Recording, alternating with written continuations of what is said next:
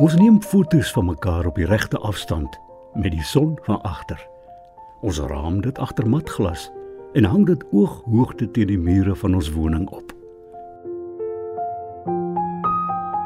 Foto's glimlag altyd.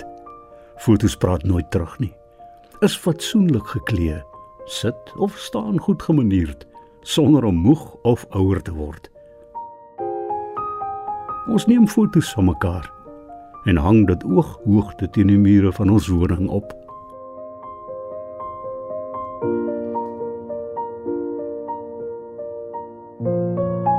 Goeienaand en baie welkom by Vers en Klank.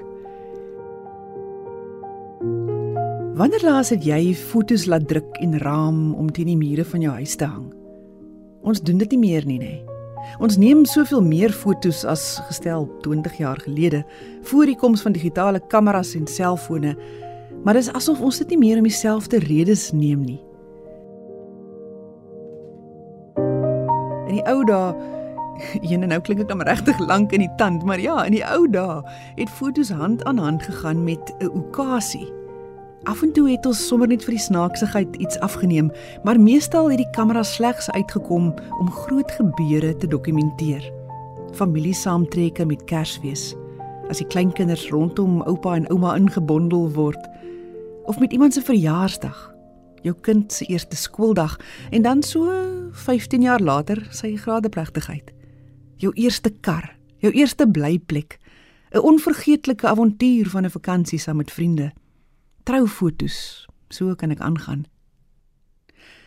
Dit was die groot dae wat op film vasgevang is. En is op daai foto's wat ons so staan en glimlag, so fatsoenlik glimlag, soos wat Kobus Lombard in sy bundel Vlerke vir my houteend geskryf het in die vers wat Lognende Kok sopas vir ons voorgeles het.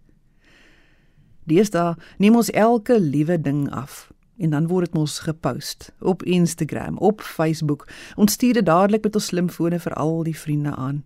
En teen môre is daardie beelde alweer vergete. Want ons neem dan weer tientalle nuwe fotos.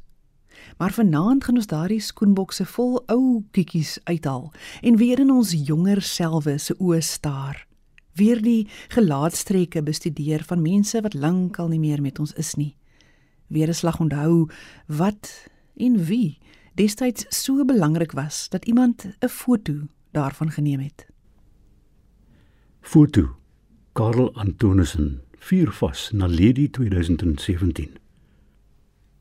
Na baie jare keer haar beeld in grys kontoure terug.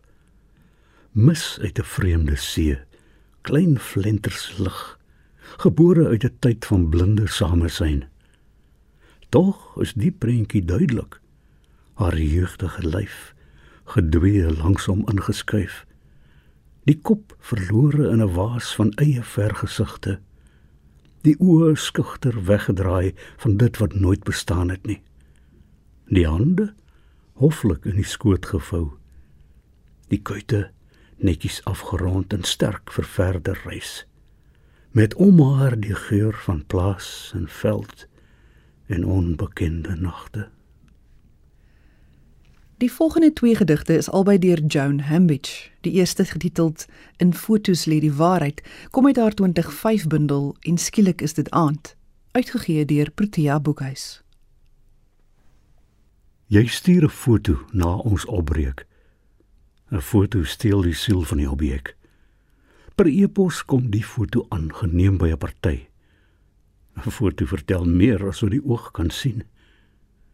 Jy sit skuins gedraai in jou kombuis onder twee dooie toeskouers.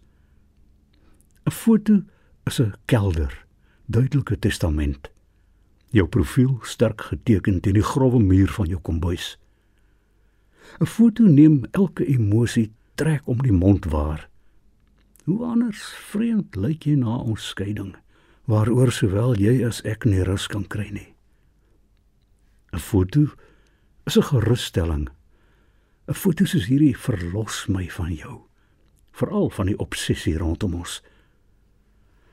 'n Foto is net 'n gedig, eenmalig, finaal, veroordelend.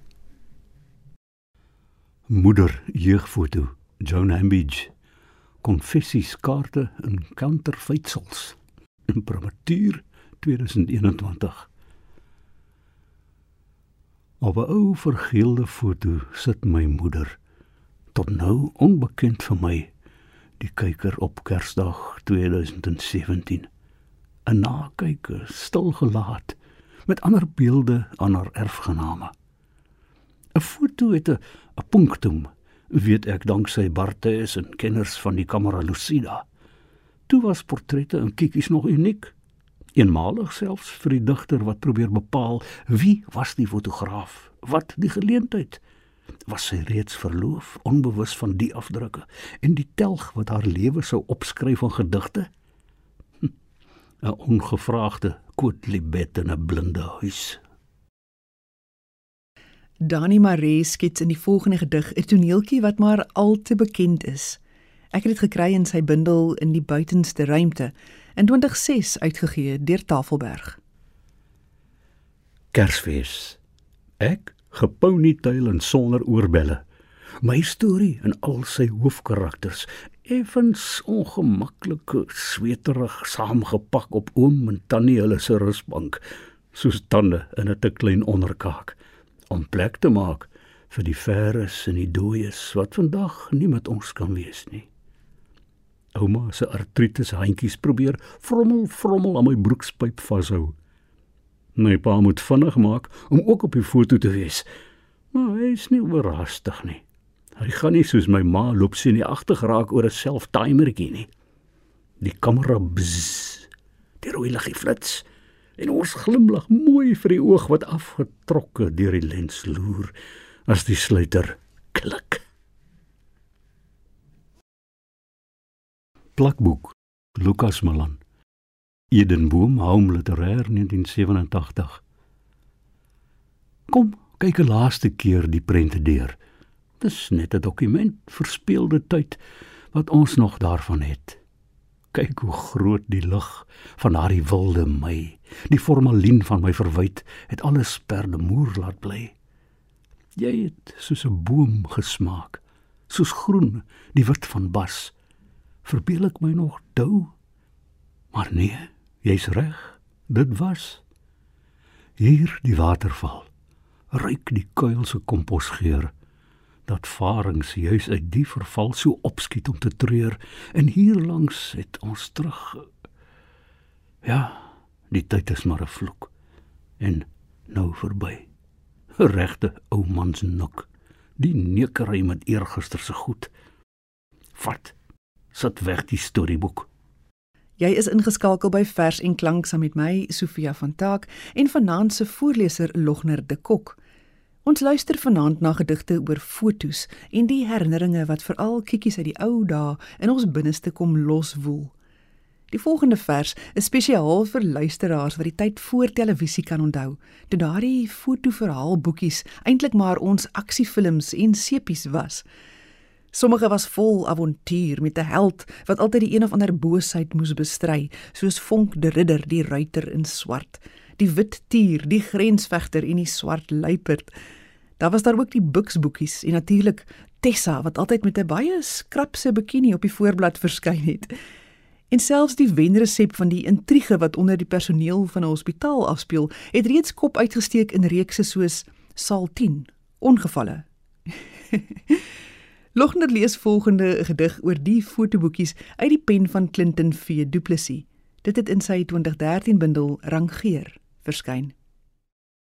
Fotoverhaal Die verlede weerkaats verwarrend terug. Speel weer voor jou af soos die krediete van 'n inry fliek wat ongelees agter jou in die triespieël rol.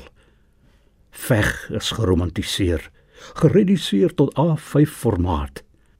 Paraat was hy generaal Dan Pinaar, ons grensvegter. Die zarp van die mynhope, die Delwersdorpe, Barberton, Dames in nood kon hy red. Hul eer beskerm met sy getroue hinks en sy masker. Ben die ruiter in swart, hy kon elke skrik en ellendeling uitdelg.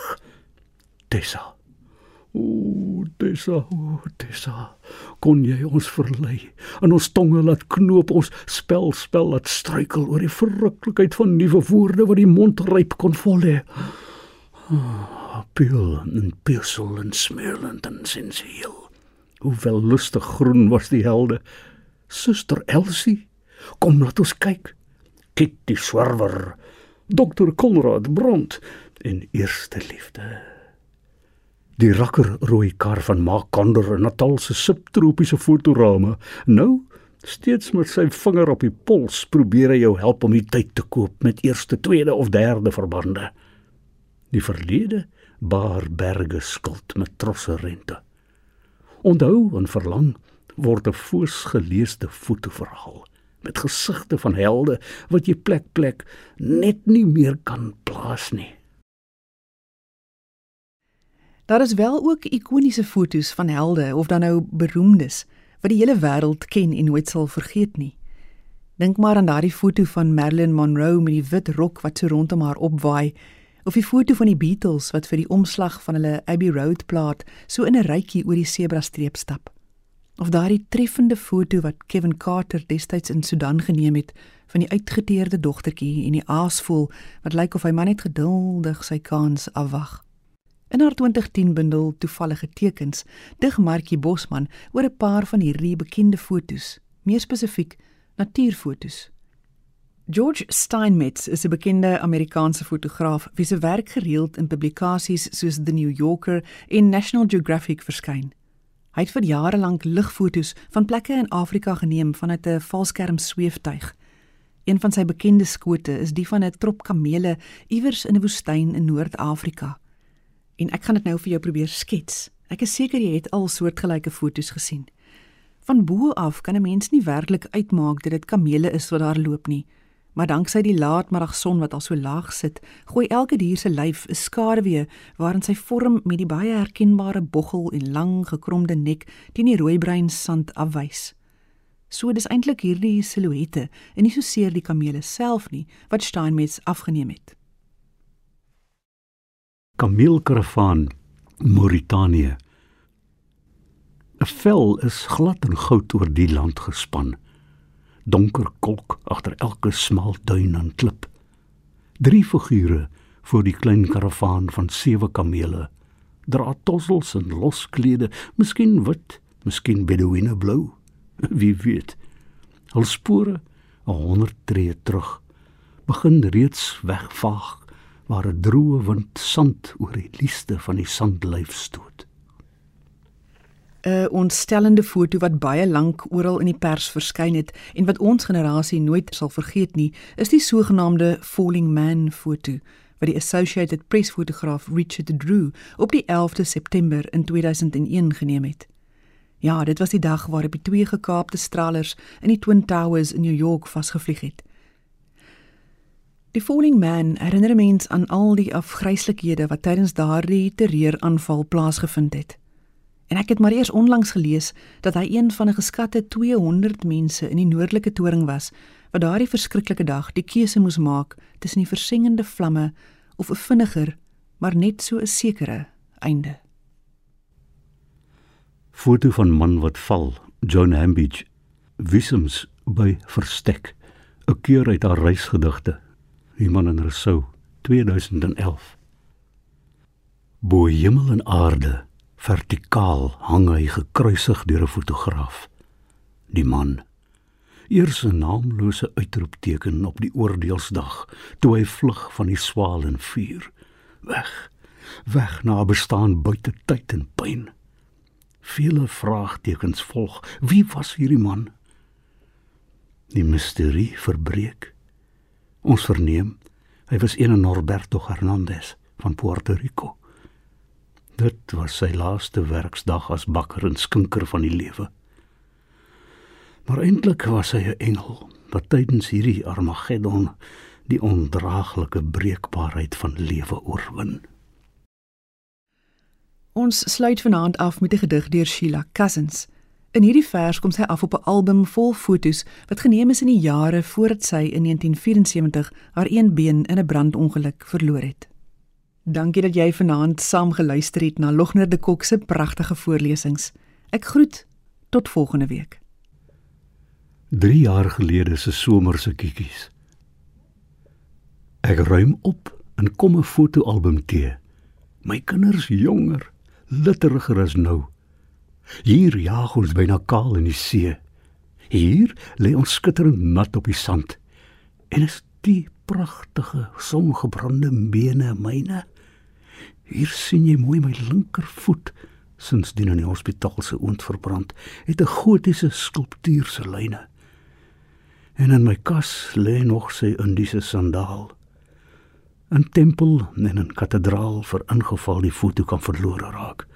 Bewaar die brons en marmer sy ontwerp sodat ek eendag vir die kiekies op kan staan met elke voet in 'n Jerusalem sandaal.